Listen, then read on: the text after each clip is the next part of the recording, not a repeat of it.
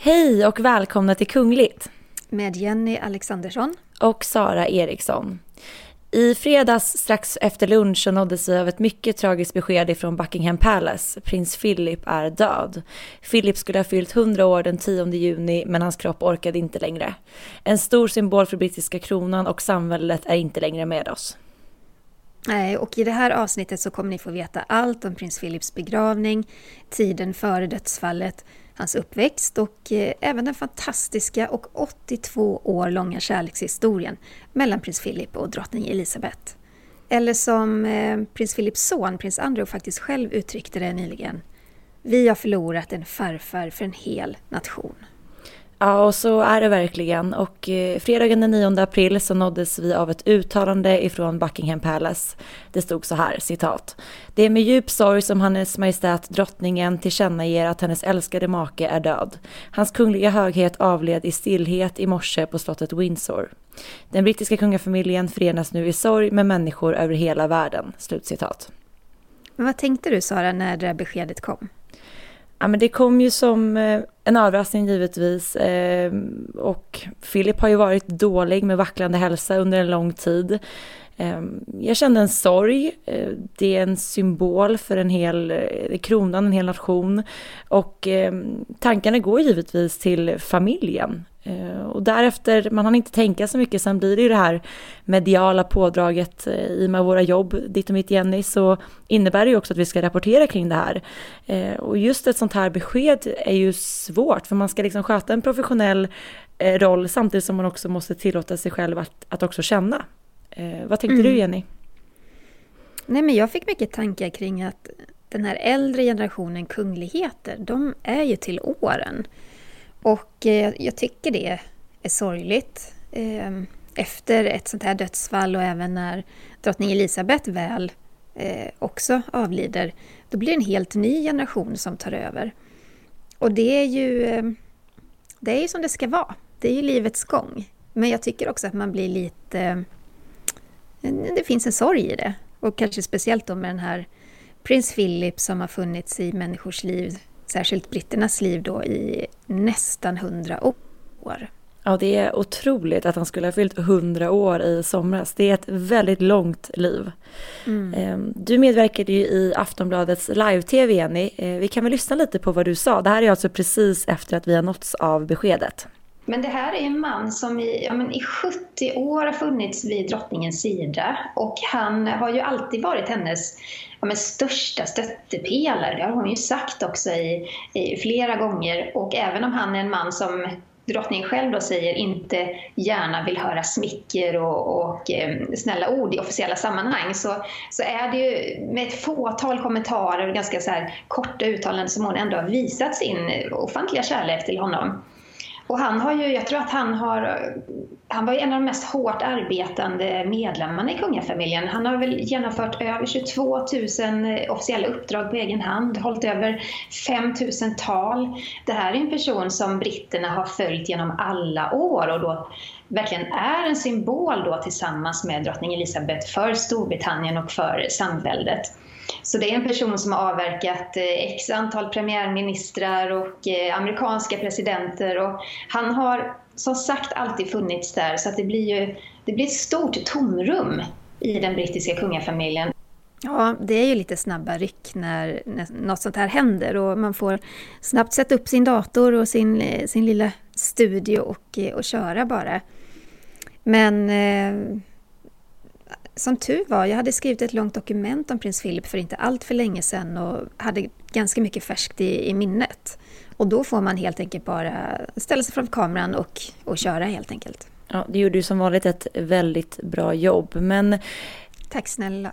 En sån här, ett sånt här dödsfall, det, det följs ju såklart av en hel del också kungliga traditioner. Eh, och liksom allt som, som hör till. Eh, vi kan väl börja med att prata om allt vi vet om eh, prins Philips begravning. Ja, för den sker ju nu på lördag den 17 april. Och några av er lyssnar kanske efter lördag och då har ni redan upplevt den här begravningen. Men eh, statsbegravningen, eller egentligen det är fel ord att använda, för det kommer bli en så kallad kunglig ceremoniell begravning. Den startar med en tyst minut för prinsen klockan tre på eftermiddagen, lokal tid då i, i Storbritannien, i St. George eh, Chapel. Och det är så här att prins Philip, han vill inte ha en stor statsbegravning. Och man följer hans vilja i den utsträckning som det går nu med tanke på coronapandemin. Annars är det ju så att statsbegravningar, det, det, är ju mycket för monarker och statschefer och presidenter, men, men även för andra prominenta personer. Och en sådan hade varit fullt möjlig för prins Philip att få. Och som sagt, eh, prins Philip hade ju en vilja av att inte vilja ha en så stor begravning och eh, det sker ju såklart eh, på hans vägnar men också på grund av coronapandemin så får man ju då anpassa den här begravningen för att inte riskera smittspridning. Endast 30 personer i den allra närmsta kretsen kommer att närvara Eh, premiärminister Boris Johnson har tackat nej, dels på grund av corona, eh, men även lika mycket av respekt för familjen, just för att så många familjemedlemmar som möjligt ska kunna vara med. Alltså då tänker jag liksom barn och, och barnbarn och kanske även barnbarnsbarn. Och han hade ju många barnbarn och barnbarnsbarn. Så att det, det är klart att det snabbt blir 30 personer där, tänker jag. Ja, verkligen.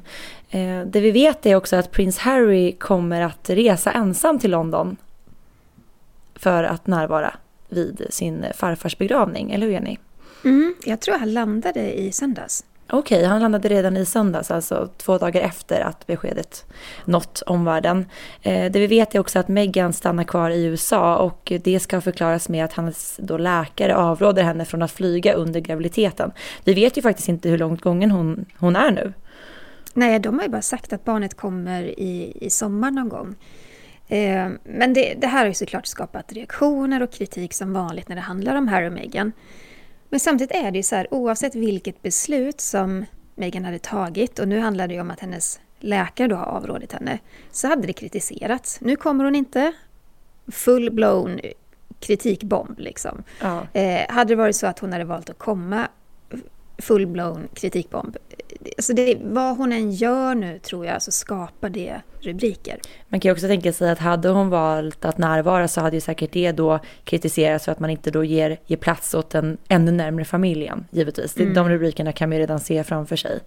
Eh, men så är det i alla fall, prins Harry kommer att närvara vid sin farfars begravning och det blir ju faktiskt också första gången som hela familjen samlas efter det här riktiga skandalåret. De samlas i i sorgen helt enkelt.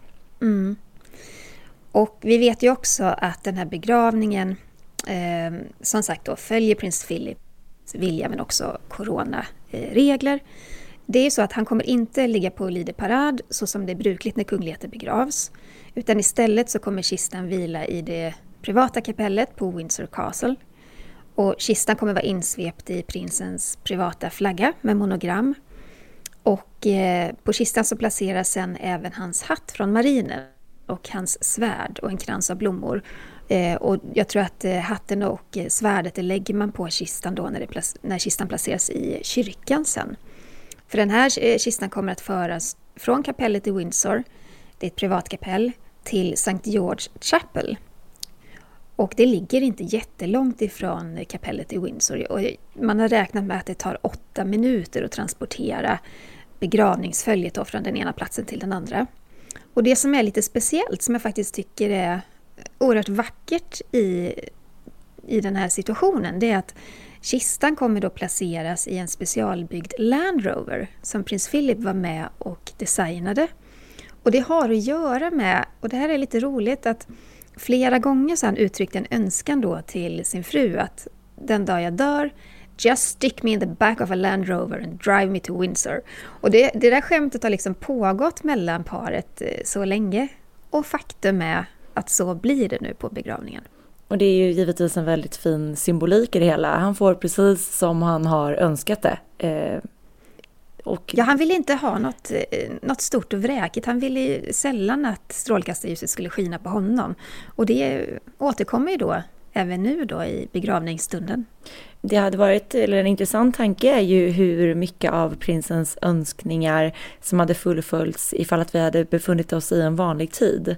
Eh, mm. Nu blir det ju så per automatik på grund av att vi inte kan samlas i stora grupper och så vidare. Men jag tycker det är väldigt, väldigt fint och så ska det också vara eh, av respekt gentemot prinsen såklart.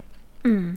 Det är flera familjemedlemmar som kommer att gå till fots då efter kistan och även anställda vid eh, prinsens hushåll och drottningen då kommer att skjutsas separat i kyrkan. Eh, och man kommer även att skjuta salut under tiden som den här eh, precisionen pågår. Ja, och när man kommer fram till kyrkan så kommer det då finnas eh, spelmän med säckpipor där. Och då spelar man den här låten Still så snart bilen har kommit fram till trapporna. Och när kistan bärs in i kyrkan så kommer de spela Side och så avslutar man med Carry On när portarna stängs. Och säckpipor, det är ju någonting speciellt med det ändå. Det blir väldigt högtidligt, det blir väldigt, eh, vad ska man säga, att man känner sig lite nostalgisk. I alla fall jag gör det. ja, det är, det är väldigt vackert också tycker jag. Det är, mm. Och pampigt på något sätt, fast det ändå är väldigt dovt. Det är så svårt att beskriva lite. Mm. Eh, åtta personer från eh, Royal Marines och andra regementen kommer att bära in kistan i kyrkan. Och det är då ärkebiskopen av eh, Canterbury som kommer att förrätta begravningen, som även då direktsänds på tv. Och prinsens, eh, prinsen läggs till sista vilan vid den kungliga begravningsplatsen i St. George Chapel. Mm.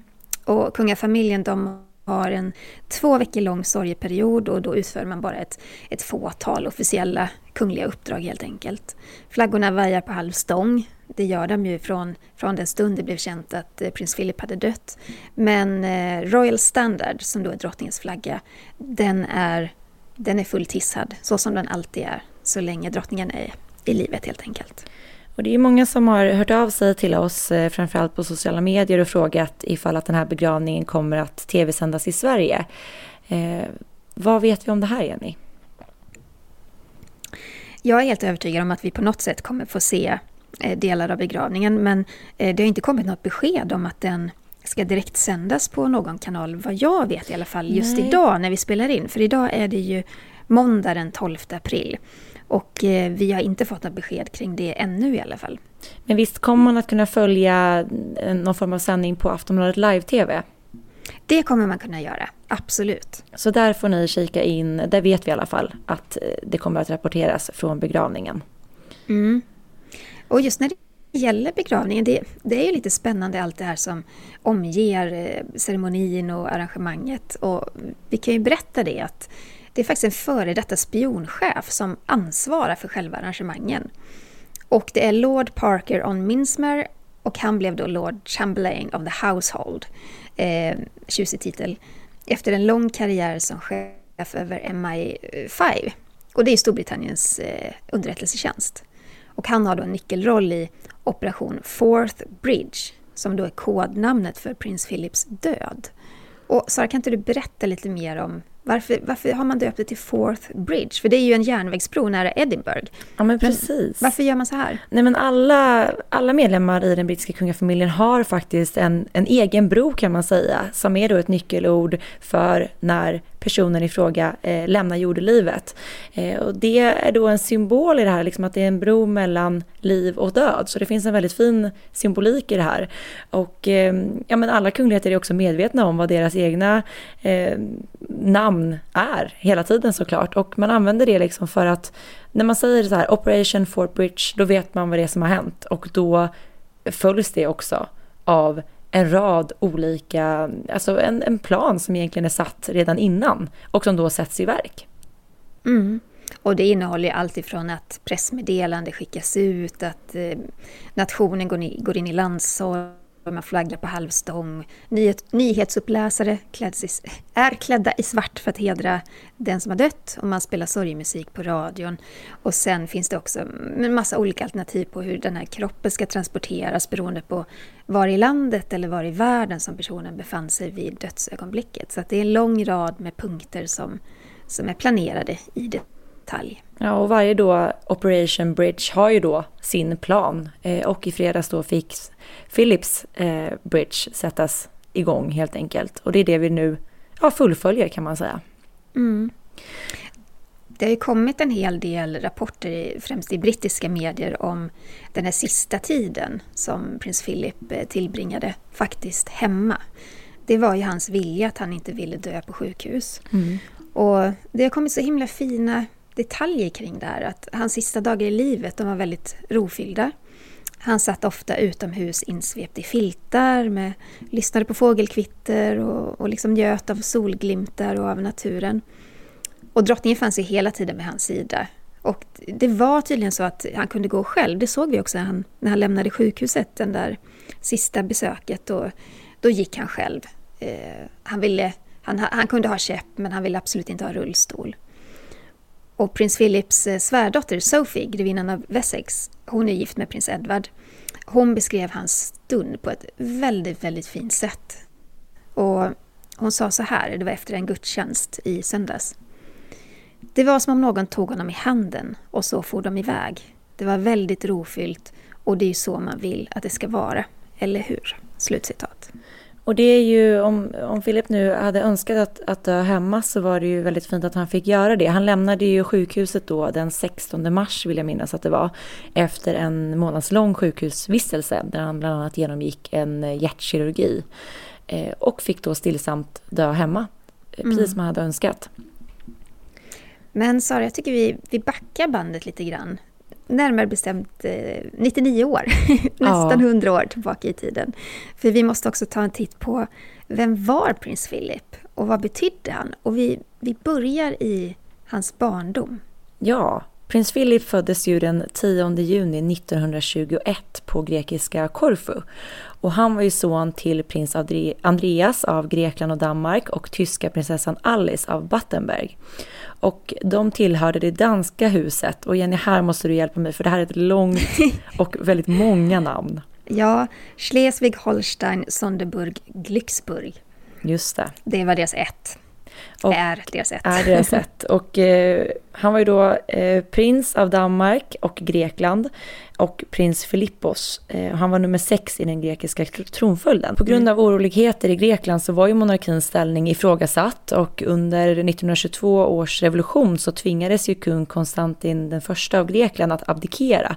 Och hans yngre bror då, eh, alltså prins Philips far, prins Andreas, dömdes till döden eh, vid en revolutionsdomstol när kriget mellan Grekland och Turkiet bröt ut. Men räddades faktiskt av den brittiska flottan som då sänds av eh, kung George V av Storbritannien. Och prins Philip han var bara 18 månader gammal när familjen tvingades lämna landet 1922. Och han forslades eller smugglades faktiskt ut till det här väntande skeppet i en apelsinlåda. Så det var väl mer eller mindre en, ja, en organiserad flykt kan man väl säga. Mm. Där man fick hjälp av, av sina släktingar. Men eh, prins Philip han växte upp tillsammans med familjen i Frankrike, i Saint Claude utanför Paris. Och eh, redan som sjuåring så sändes Philip till England för att studera vid en internatskola. Och det här var, det var ju faktiskt väldigt tuffa år för, för prinsen. Han pratade aldrig om detta men eh, Philips föräldrar separerade när han var nio år och hans mamma Alice skrevs, mot sin vilja ska vi säga, in på på ett, vad man då kallar mentalsjukhus i Schweiz. Hon hade fått en psykisk kollaps helt enkelt och långt senare så fick hon diagnosen eh, schizofreni. Men det betydde ju då att eh, Philip och hans fyra systrar fick tillbringa väldigt mycket tid hos släktingar. Och för Philips del så var det eh, morbror Dickie, Louis Mountbatten, som blev den mest stabila punkten i, i tillvaron. Ja, och tre av prins Philips fyra systrar giftes ju, in, giftes ju med så här aristokrater och högt uppsatta nazister och bosatte sig i Tyskland. Och Philips pappa flyttade till södra Frankrike och eh, plötsligt så stod ju liksom Philip mer eller mindre ensam i livet trots att han bara var tio år gamla. Eh, mamman ju, var liksom inlagd ju... på sjukhuset, pappan flyttade ja. och tre av fyra systrar gifte sig och liksom försvann till ett annat land. Det alltså måste ha varit en väldigt det... tuff situation för honom. Ja, jag tycker man får verk i hjärtat. Eh, nu var det här väldigt många år sedan och man såg på barn och man såg liksom på eh, uppväxt på ett helt annat sätt såklart. Men att vara tio år, då är man inte kaxig, man är inte stor. Och det är att bli lämnad ensam på det viset, det, tror jag, det sätter ju sina spår och det, det gjorde det ju också i Prins Philip. Mm. Och familjen Battenberg, som ju sen bytte bort sitt tyska namn mot det mer engelskklingande efternamnet Mountbatten under för, första världskriget, de satte då Philip på internatskola i Skottland. Och det var en stenhård skola där det förekom fysiska bestraffningar, en hel del penalism och eh, att vara ensam i livet och, och sättas på en sån skola, det önskar man nog inte någon. Men eh, prins Philip han har, han har liksom kommenterat det här med en enda enkel förklaring i en intervju om sin barndom. Och eh, med orden man tar sig igenom det helt enkelt. Och det är väl egentligen det enda han har sagt om, om den här tiden. Men man, vi vet ju att de här åren kommer att prägla honom djupt. Ja. Hans vänner har ju vittnat kring det. Ja, och sorgerna kom ju i stridström där, för när prins Philip var eller när Philip då var 16 år så dog också hans syster Cecile i en flygolycka tillsammans med sin man och deras två barn. Jag tror även att hon var gravid vid tillfället eh, då mm. hon omkom. Och eh, hans dåvarande vårdnadshavare eh, George Mountbatten dog i en hjärtattack 1938. Så det var ju flera år där som präglade honom med djup sorg i kombination då med den här väldigt tuffa vardagen i internatskolan. Och det är ju, jag tänker att det är de där åren som, som man är som mest formbar och som man påverkas väldigt mycket. Och efter att då George Mountbatten hade dött så fick ju hans bror Louis ta över vårdnaden av eh, prins Philip. Ja, och, men det finns ju också ljusglimtar såklart i, i prinsens liv. För när han bara var 13 år gammal så träffade han ju faktiskt för första gången då prinsessan Elisabeth som bara var 8 år.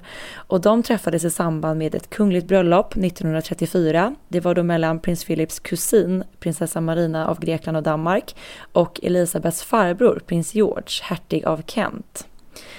Mm, det, ju, det, var ju ett mycket tidigare möte än det som man ofta ser i medierna. Mm. Men fem år senare så träffades Elisabeth och Philip återigen vid en tillställning på Royal Naval College där Philip var officerselev. Och det är det här mötet som de flesta eh, pratar om som det första. Eh, 13-åriga Elisabeth hon blev stört förälskad i den här långa blonda prinsen. Han var ju otroligt och, stilig om man ser bilder och, från Och väldigt tiden. ståtlig, ja. tycker jag. Eh, Elisabeths kusin hon har ju skrivit en biografi eh, och i den biografin kring Elisabeth så skriver hon att eh, Elisabeth var förälskad från första stund hon såg Philip. Ja. Det kan man tänka sig. Mm. Och samma år då, bara några månader före andra världskrigets utbrott 1939 så inledde han sin karriär som sjöofficer i brittiska flottan. Och under kriget så tjänstgjorde han på eh, jagare och slagskepp i Indiska oceanien och Medelhavet och även i Stilla havet. Och det gjorde ju att han och Elisabeth kunde ju inte ses, även om de ville ha kontakt med varandra. Så de började brevväxla eh, och sände liksom foton till varandra och eh, det här var ju en romans som kanske inte uppskattades av alla, eller hur Jenny? Nej. Eh, Philips familj ansågs lite grann som för, dålig, alltså för låg status för det brittiska kungahuset. Och sen var det ju här att Philips systrar hade ju nära kopplingar till nazistpartiet i Tyskland och det uppskattade man inte. Men man, man tyckte också att prins Philip var för självständig för en blivande drottning. Så att det fanns många frågetecken där. Men eh, kärleken övervinner allt och år 1946 så bad Philip om Elisabeths hand hos hennes pappa, kung George den sjätte. Och George den sjätte han valde att inte formellt tillkännage förlovningen innan Elisabeth hade fyllt 21. Och det gjorde att man fick hålla den här förlovningen hemlig eh, ett tag, till den 9 juli 1947. Ja, och den här förlovningsringen då, eh, den hade ju väldigt stort symboliskt värde för den var gjord eh, med stenar från en tiara då som tillhört prins Philips mamma. Så då fick hon liksom vara med i Elisabeths eh, förlovningsring. Ja, innan bröllopet så fick ju prins Philip avsäga sig sina grekiska och danska titlar och han konverterade till engelska kyrkan och blev engelsk eller brittisk medborgare. Och samtidigt så tog han sin mamma Alice efternamn, Mountbatten, och det är samma efternamn som hans eh, moster, sedermera drottning Louise av Sverige, också bar. Mm. Och det dröjde ju inte länge, för bara fyra månader efter förlovningen, den 20 november, så vankades ju ett storslaget bröllop i Westminster Abbey. Och eh, Philip han var ju lite kontroversiell i det anseendet att han ville ju att det här bröllopet skulle radiosändas. Så att liksom hela världen skulle kunna ta del av den här ceremonin och på så sätt också få kungahuset att närma sig folket. Eh, det här blev ju väldigt ifrågasatt men Philip fick som, som oftast faktiskt sin vilja igenom och en hel värld kunde liksom ratta in radion för att följa bröllopet. Och jag tänker, Philip som själv eh, hade fått fly landet på grund av monarkins ifrågasättande, han om någon eh, har ju själv sett och varit med om vad det innebär när kungahuset blir för ifrågasatt. Så att han, han var ju väldigt före tiden där med att få kungahuset att liksom närma sig folket och på så sätt skapa ett, ett bättre band däremellan. Men vi måste ju lyssna ett litet klipp från hur det lät i Westminster Abbey när Elizabeth och Philip sa ja till varandra. I, Philip, Take thee, Elizabeth Alexandra Mary, take thee, Elizabeth Alexandra Mary, to my wedded wife, to my wedded wife. Ja, Westminster Abbey är ju en otroligt pampig byggnad. Eh, Den inger respekt. Och 2000 gäster satt i kyrkan och såg vigseln. Över 100 000 människor hade samlats utanför Buckingham Palace. Och 200 miljoner människor tog del av bröllopet via radio. Mycket då tack vare prins Philip. Alltså har man inte tagit del av rörligt material från det här så tycker jag att alla ska gå in på Youtube och söka på det här för det finns otroligt material från bröllopet och framförallt den här, det här folkhavet utanför Buckingham Palace. Det är faktiskt väldigt mäktigt att se. Men det var inte någon problemfri dag. Eh, Elisabeths tiara gick sönder på bröllopsdagens morgon och det skapade ju stor stress hos både bruden och hovet. Och den lagades så gott det gick, men alltså titta noga kan faktiskt se att den var inte hel den där dagen. Om man tittar på de officiella bröllopsbilderna så tittar man i mitten på det här diademet så ser man faktiskt att, att det är ett lite för stort mellanrum mellan två av de här tapparna. Eh, det är alltså där den gick av på mitten. Mm, tufft läge. Mm. Men dagen innan så råkade prins Philip illa ut. För han stoppades nämligen för fortkörning i centrala London. Han var på väg till en middag med de närmaste släktingarna. Och det är så roligt, men hans svar till polisen, det var ett enkelt jag är ledsen konstapeln, men jag har en bokad tid hos ärkebiskopen av Canterbury. och så kom han undan. Det där är ju liksom lite det som ett signum för prins Philip. Det är ju hans eh, närhet till humor hela tiden. Mm. Eh, Han har det alltid, eller hade det alltid inom sig. Ja men verkligen. Och vi måste ju prata om vigselringen, för medan förlovningsringen då var gjord med en sten ifrån eh, Philips mammas diadem eller tiara, så var vigselringen desto enklare faktiskt. Det är, det är en vanlig enkel ring av guld från Wales. Eh, och det är också en kunglig tradition. Och sen har den en hemlig inskription som faktiskt endast guldsmeden, Elisabeth och Philip känner till. Ja, det, man blir spänd, undrar vad det står i den. Mm. Och i samband då med bröllopet så erhöll eh, Philip titeln hertig av Edinburgh eh, och nästan exakt ett år senare så fick Elizabeth och prins Philip sitt första barn. Eh, prins Charles föddes den 20 november 1948 och två år senare 1950 så kom Anne och senare fick de ju också 1960 prins Andrew och 1964 minstingen Edward. Prins Philip han fortsatte att tjänstgöra i flottan. Eh, och det älskade han, det var hans stora passion. Men hans officerskarriär fick ett abrupt slut 1952 när hans svärfar, kung George VI, avled. Och Elisabeth och Philip de befann sig vid dödstillfället ute i vildmarken i Kenya.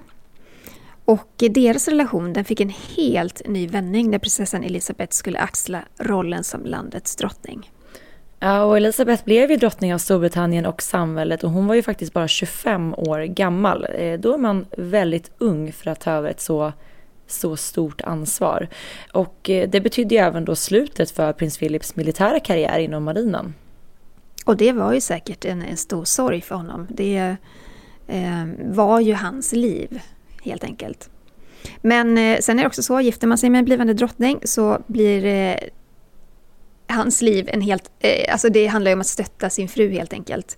Eh, och det är det enda han ska ha fokus på sen efter det. Mm. Eh, hon utropades till drottning Elisabeth andra och kröntes den 2 juni 1953 i Westminster Abbey. Och även den här gången faktiskt så, så övertalade eh, prins Philip familjen att den här kröningen, kröningen skulle tv-sändas eh, för att nå ut till folket. Och det var faktiskt den första kröningsceremonin i Storbritannien som tv-sändes och det var en enorm publik och ett stort intresse för det. Ja, och någonting som också uppskattades väldigt mycket av folket, just att man kunde få bli en del av det, om så eh, via tv, så, så närmades man det ju på, på något sätt. Eh, Mm. och det tror jag var viktigt. Jag tror att det var ett väldigt viktigt statement där som Philip fick igenom. Ja, men när drottning Elizabeth blev drottning så, så förändrade det så mycket i prins Philips liv och, och speciellt det med hans militära karriär. För att i fortsättningen så handlar det mycket mer om hederstitlar och eh, hedersuppdrag än att verkligen vara en del av eh, eh ett regemente eller en del av liksom en, en militärgrupp. Och eh, det, det är ju så att hans största fokus det var ju att stödja sin hustru i hennes arbete helt enkelt. Och det blev ju såklart en väldigt stor vändning för honom som hade varit så, alltså han har ju varit en väldigt självständig person redan som tioåring som vi pratade om. Så fick ju han liksom ansvara för, för sig själv och sitt liv och ja, men, har varit ute till havs eh, stora delar av livet innan han träffar Elisabeth. Men helt plötsligt så blev hans arbete att gå ett steg bakom sin hustru. Eh, vilket Mm. liksom en helt annan grej. I samband med bröllopet så fick ju prins Philip titeln hertig av Edinburgh och efter att drottning Elizabeth hade regerat i fem år så var det hon som upphöjde sin man till prins vid en eh, kröning faktiskt 1957. Och eh, Philip blev ju då prins Philip hertig av Edinburgh och Philip fick därmed kan man säga tillbaka sin prinstitel som han då övergav inför parets bröllop 1947. Och det sägs ju att det här var en ganska så lång diskussion, och emellanåt het diskussion mellan drottningen och Philip, där liksom Elisabeth till slut gav med sig och gav tillbaka prins Philip sin titel. Det handlar väl mycket om att prins Philip aldrig riktigt var helt och hållet bekväm med att gå två steg bakom sin fru i början, ska vi tillägga, för det där ändrade sig sen. Och eh, det här att han ville ha en jämställd kunglig status med sin, med sin fru, det, det var ju omöjligt såklart. Och det här var ett par som verkligen var av den här gamla kungliga skolan och det innebar ju också att inga ömhetsbetygelser fick eh, fastna på bild. Absolut inte offentligt. Absolut inte. Men eh, det har ju också läckt ut genom åren att Philip hade otroligt härliga smeknamn på sin fru. Elisabeth kallades för Lilibet och det gjorde hon faktiskt av hela familjen. Eh, Hon kallades för Darling, Sausage, alltså korven, Jaha. och Cabbage, kålhuvudet. Men det sägs också att eh, Elisabeth ska ha älskat vartenda ett av de här smeknamnen och just för att det var prins Philip som så kärleksfullt sa det till henne. Men vi har ju pratat mycket om att eh, alltså drottning Elizabeth är ju också en kvinna som är väldigt nära till humor och likaså prins Philip. Det känns som att de har haft det väldigt roligt tillsammans. Man får en känsla av det. Men eh, vi återgår till det här med att det kanske inte alltid var så lätt för prins Philip att hans fru stod över honom i status och makt eh, i början. Om Elisabeth regerade över Storbritannien så ville i alla fall eh, prins Philip få bestämma hemma. Och han hade då alltid sista ordet när det gäller familjen. Och han beslutade bland annat att prins Charles skulle skickas till samma hårda internatskola som han själv gått på i Skottland. Och det var ju ett katastrofalt beslut. Charles blev mobbad och han vantrivdes under hela skolgången och det satt kvar i honom väldigt, väldigt länge. Men vi, vi kan väl också nämna det att prins Philip så gärna ville att hans eh, familjenamn skulle bli det rådande namnet i kungahuset när han gifte sig med drottning Elizabeth. Eh, han heter som sagt Mountbatten. Men eh, den där diskussionen gick så himla långt att till slut var det ju premiärministern och, och regeringen som satte ner foten och sa att det här är the Windsor family eh, och ska förbli så. Så han fick ju inte igenom den viljan heller. Nej. Eh, och eh, det brittiska kungahuset var ju så här ganska konservativt och hade lite svårt att följa med tiden. Och eh, det här såg ju prins Philip, precis som vi pratade om tidigare, och han försökte verkligen redan tidigt då i samband med ja, men deras vigsel till exempel och rad, att den radiosändes, att de, han ville få med hovet och, och även familjen på att liksom se den här nya tekniken, att det, det var liksom ett måste för att få monarkin att fortsatt blomstra. Och det ska ju sägas att prins Philip själv var ju väldigt intresserad av teknik och nya innovationer, så att han, han kanske låg liksom hela tiden ett steg före eh, familjen och ja, men, monarkin i, i det hela. Ja men det gjorde han ju verkligen och på ett sätt kan man säga att eh, hans ansträngningar kring det här fick ju också monarkin att, i Storbritannien som var konservativ att sakta, sakta i små, små, små steg ändå bli lite modernare. Och eh, magasinet Time, de skrev i sitt decembernummer 1947 då, efter bröllopet, citat. Bröllopet svepte över sex kontinenter och sju hav ett ljus så starkt att det var svårt att ta in. Slutcitat. Och det var väl ett gott betyg då, tänker jag, på prins Philips ansträngningar att närma sig folket. Ja, verkligen. Och det var ju faktiskt även prins Philip som såg till att kungafamiljen medverkade i den här mycket omtalade dokumentären Royal Family från 1969. Det var ju då första gången som världen fick en, ja, men en inblick bakom den här kungliga kulissen. Och eh, kungafamiljen porträtterade då sin vardag och de, ja, men man fick liksom följa dem vid matbordet när de satt och pratade och liksom att se att de betedde sig som en helt vanlig familj runt ja, men en vardagsmiddag och man sitter och chitchattar om lite allt möjligt och skämtar med varandra. Men på den här tiden så var ju det väldigt banbrytande att liksom visa upp en sån här bild, en sån lättsam bild av kungahuset. Eh, vi har ju sett liksom Idag känns ju det naturligt att vi liksom på, ser till exempel året med kungafamiljen, att vi får se dem både i det kungliga arbetet och i den kungliga vardagen. Men där och då var det här någonting helt nytt och det blev också väldigt, väldigt ifrågasatt. Ja, det var ju en två timmar lång film. Det var en enorm succé. Över 40 miljoner människor såg den på BBC. Men drottningen hon slog bakut när hon noterade det här enorma intresset. För det öppnade också dörren för skvallerpressen och det gillade hon inte. Men prins Philip han arbetade då alltså handgripligen med dokumentären, väldigt praktiskt, tillsammans med dåvarande pressekreteraren William Heseltine.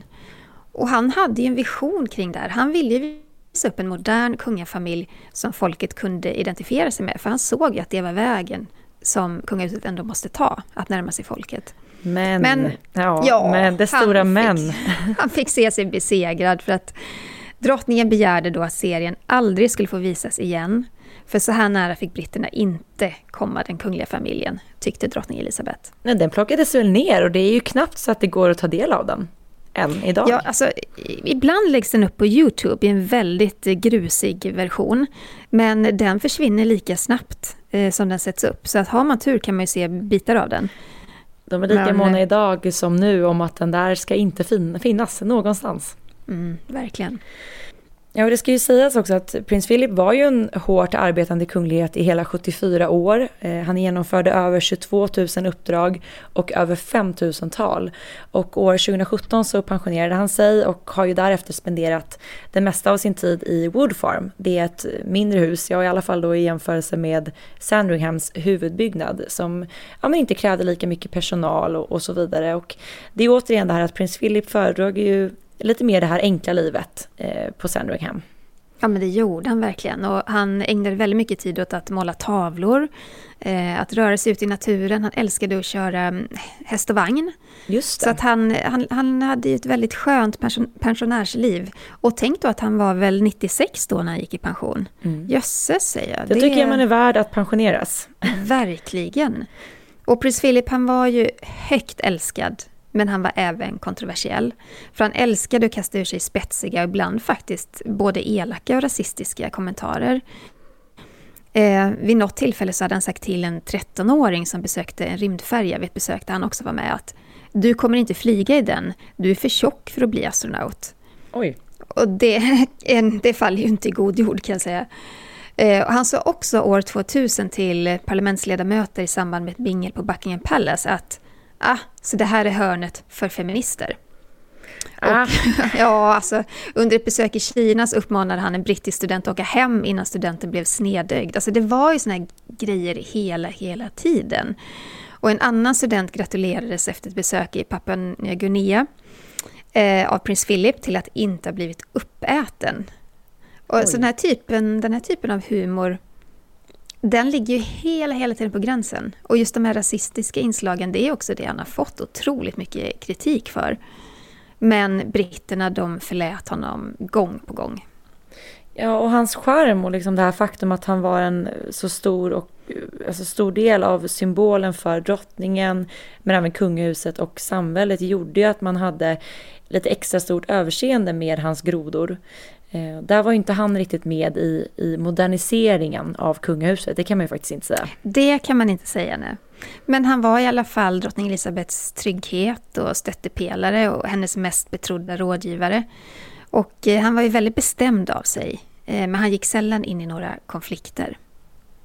Ja, och sida vid sida så har ju Elisabeth och Filip stöttat varandra Eh, genom liksom nästan hela livet.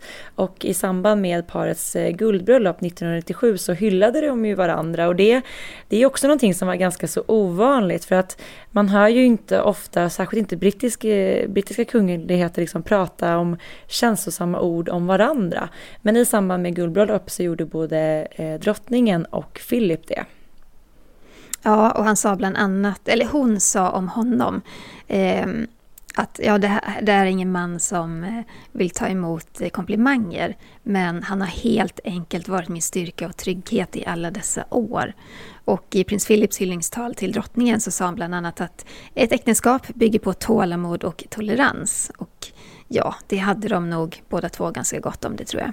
Ja, och eh, en sak som hela världen nu har reagerat på, särskilt nu när vi tog emot det här beskedet om att prins Philip lämnat jordelivet, det var att vid drottningens jultal nu i december 2020 så var alla familjefotografier bortplockade på skrivbordet. Ni vet, de brukar sitta och tala vid sitt skrivbord och sen brukar det vara uppradat flera olika foton eh, på hela familjen. Men i år så fanns där endast ett foto och det var ett foto av prins Philip. Mm. Han har ju inte haft några problem med att stå i strålkastarljuset på det viset, men eh, han var inte förtjust i det och han gav väldigt ovilligt eh, intervjuer. Och han njöt precis lika mycket av att eh, käka en middag framför tvn hemma i soffan tillsammans med sin älskade Lilibet.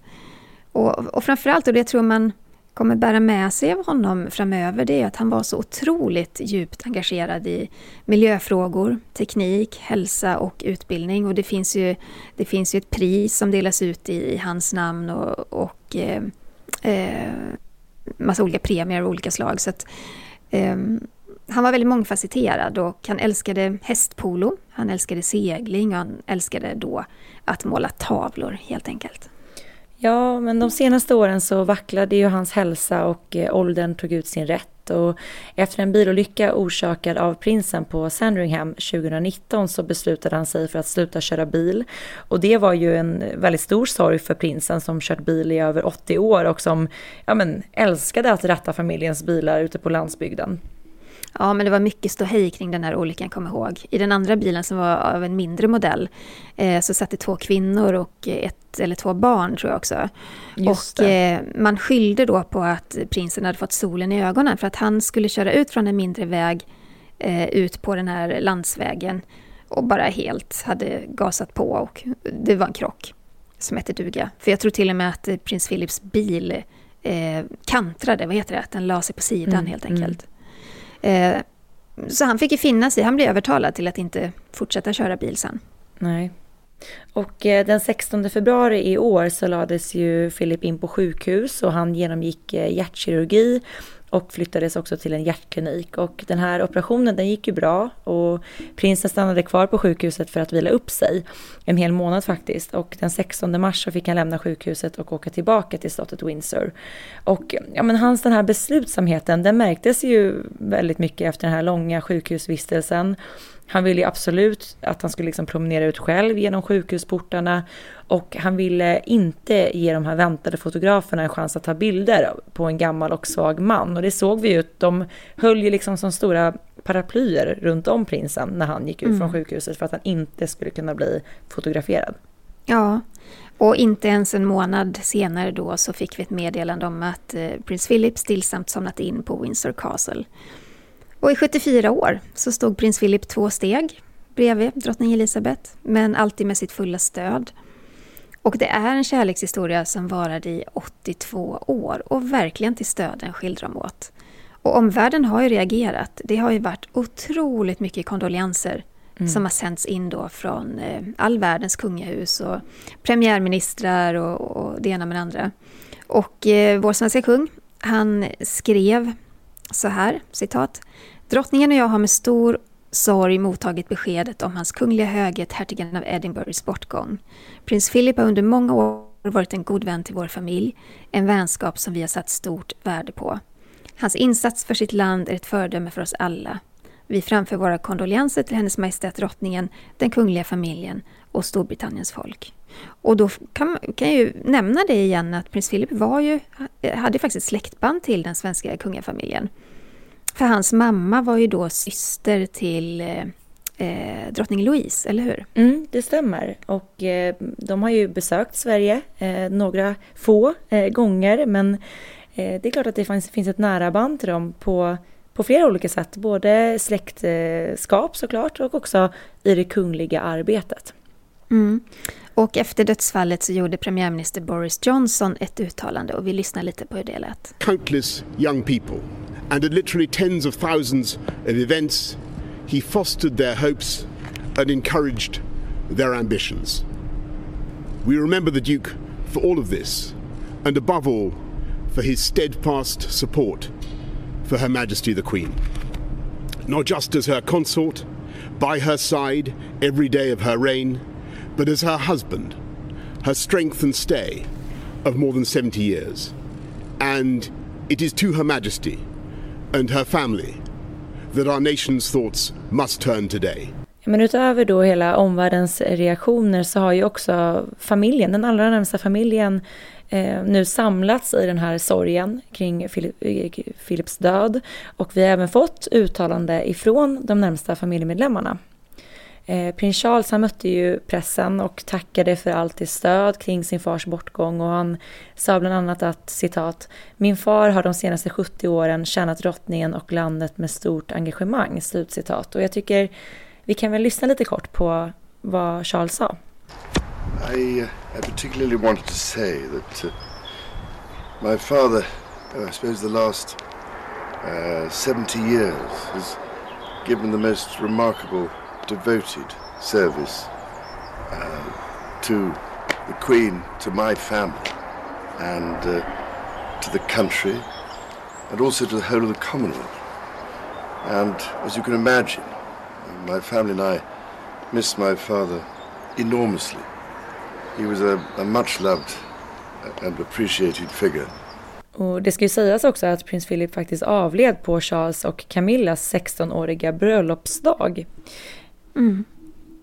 Och sen eh, i söndag så var det en gudstjänst i Windsor och där fanns faktiskt prins Andrew och prins Edward med, eh, Edward hade sin fru grevinnan Sophie och sin dotter Lady Louise med också.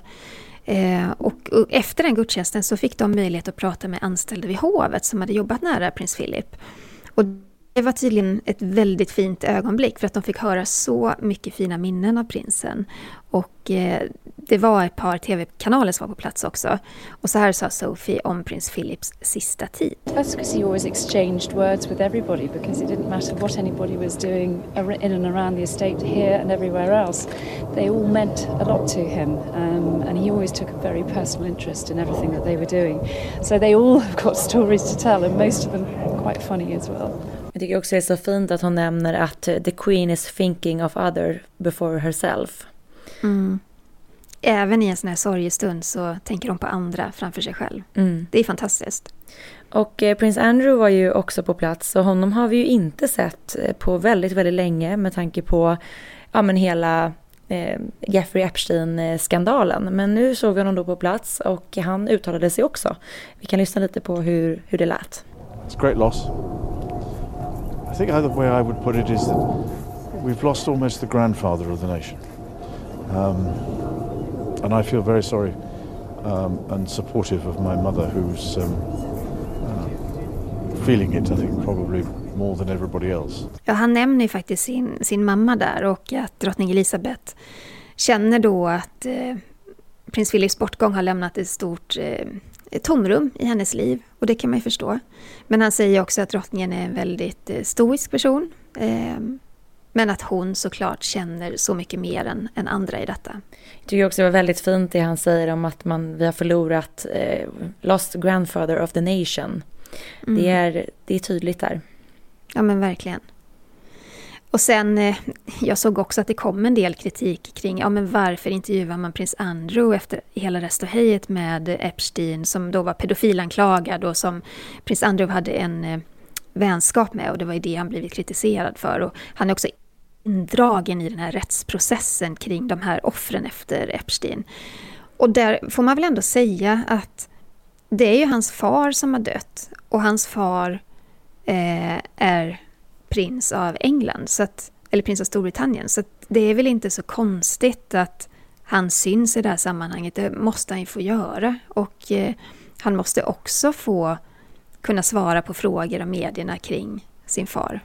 Eller Ja. vad tänker du Sara? Ja, men det, det hade nog varit märkligt om vi inte hade sett honom i det här sammanhanget. Såklart, det är hans pappa vi pratar om, hans pappa som har dött. Och det är ju självklart att Andrew, precis som sina syskon, vill närvara och måste få komma till tals i det här sammanhanget. Eh, på plats fanns ju också då som sagt hans eh, bror Edward och han uttalade sig också. Och eh, jag tycker det är så fint att han, han får med där att prins Philip ment, eh, att han betyder så mycket för andra människor. Och det är ju någonting som återkommer egentligen i alla barns uttalande gällande sin far. Eh, Att han har väldigt betytt mycket för väldigt många människor. Very kind. Yes, it's uh, it's been a bit of a, a bit of a shock. However much one tries to prepare oneself for, for something like this, it's it's still a it's still a dreadful shock, and and uh, we're still trying to come to terms with that. And it's very very sad. But I have to say that the extraordinary tributes and the memories that everybody has had and been willing to share has been so fantastic. He might have been our father, grandfather, father-in-law, but but he, he meant so much to so many other people. Och på kungahusets Instagramsida och även på hemsidan så har faktiskt prinsessan Anne, alltså enda dottern då till Elisabeth och eh, prins Philip, fått uttala sig lite mer, skrivit lite längre. Hon, har, hon skriver bland annat så här att min far har varit min lärare, min supporter och min kritiker. Och mestadels är han ett exempel av ett liv som levts väl. Och det sägs då att de här två hade ett särskilt band emellan sig, att de var otroligt lika både till, till sättet och till personen på, på alla vis. Det tycker jag man kan se, eller man tänker Ann, vi pratar ju ofta om henne, hennes den här eh, rappa, raka kommunikationen där hon alltid väver in mycket humor. Och det är ju lite det man, så som man kommer minnas Philip också, exakt på det sättet. Ehm, hon sa även så här citat, hans förmåga att behandla varje enskild person som en indiv- individ i sin egen rätt, slutcitat. Eh, och hon berättar även då att hon uppskattar väldigt mycket de här fina budskapen och minnena eh, som så många människor, alltså alla de här, hon menar på att en hel värld nu samlas kring den här sorgen och hon liksom tackar för det och det här stödet. Och hon säger också att hennes pappa lämnar ett arv som kan inspirera oss alla. Också väldigt fint. Vi såg också att prins William och eh, Catherine de uppdaterade sitt Instagramkonto med det här officiella meddelandet som Buckingham Palace sände ut. Och vi såg att Harry och Meghan eh, de lät sin organisation Archwell byta ut eh, sin första sida, startsidan på hemsidan, med en väldigt fin eh, hälsning. Eh, till minne då av hans kungliga höghet, eh, hertigen av Edinburgh. Och så tackar de honom för hans eh, långa tjänst och att han kommer bli så saknad helt enkelt. Jag tycker även att vi ska lyssna lite på vad drottningens och Dianas tidigare butler eh, Paul Burrell sa eh, om prins Philip. Not not soft at all, Prince Philip. He wasn't he wasn't a soft man, he was a hard man. I saw grown men cry in his presence. He was hard, tough. But inside he had that softness for ladies, so that's what the Queen saw, the other side of him. And you know, they hardly ever spent a night apart. Tycker det är lite Ja. kul att han säger det här att han, han, han var inte soft utan han var en hårding. Det kan man ju tänka sig. Mm. Ja, men han hade, ju- han hade nog en, en liksom skarp yta, verkligen. Eh, vad kommer du minnas mest av prins Philip? Ja, men jag tror att eh, det som jag, hur jag kommer minnas honom det är mycket den här eh, humoristiska sidan. Man får en känsla av att han är väldigt hård men samtidigt väldigt varm. Och jag tycker att vi ska bära med oss att han ändå Eh, var väldigt mån om att modernisera det brittiska hovet och hela kungahuset. Och det kanske, vi kanske har mycket honom att tacka att eh, den brittiska monarkin fortsatt är så populär som den är än idag. Eh, hur, hur minns du prins Philip? Nej, men jag tycker att han är sinnebilden i bilden av en, den perfekta brittiska gentlemannen. Men med en väldigt stiff upper lip. Att han, han hade ju en yta som var eh, skarp. Eh, jag tror inte att det är en man som lät någon annan trampa på sig eller någon annan i familjen. Utan han hade, eh, han hade en, en styrka som visserligen säkerligen kom från den här hårda barndomen. Men också att det finns en, en värme och mjukhet i honom och den här relationen som man kan ana att han har med sin dotter prinsessan Anne och den här kärleksfulla tilliten som han hade till sin fru. Jag tycker att det, det är så himla vackert. Och han levde i nästan hundra år Han har avverkat x antal eh, premiärministrar, x antal amerikanska presidenter och han har i små steg då fått det eh, brittiska kungahuset att eh, komma lite, lite, lite närmare folket. Att eh, tweaka det lite, lite mer mot ett modernare kungahus. Och det är... Ehm, ja, men det är en man som har hunnit uppleva världskrig, regeringskriser, kungliga skandaler och hela tiden gjort det lång och ståtlig stående bredvid sin, sin drottning. Han är värd all beundran tycker jag. Ja, det håller jag verkligen med om. Det var en väldigt eh, fin och bra sammanfattning tycker jag, Jenny. Ja, men tack snälla för att ni har lyssnat på det här specialavsnittet av Kungligt tillägnat prins Philip. Och om ni nu lyssnar på poddavsnittet innan begravningen så kan vi tipsa er om att eh, begravningen kommer att ske eh, den lördagen den 17 och ni kan då följa den i Aftonbladet TV där Jenny kommer att vara på plats. Och eh, vi vill även tipsa om att ni kan följa oss på sociala medier, Kungligt med Jenny och royalistan.se. Där uppdaterar vi varje dag med kungligt nytt. Tack för att ni har lyssnat. Vi hörs igen nästa vecka. Ha det gott. Hej då. Hej då.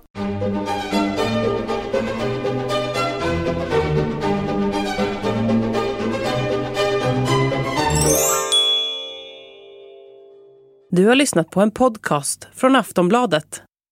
Ansvarig utgivare är Lena K Samuelsson.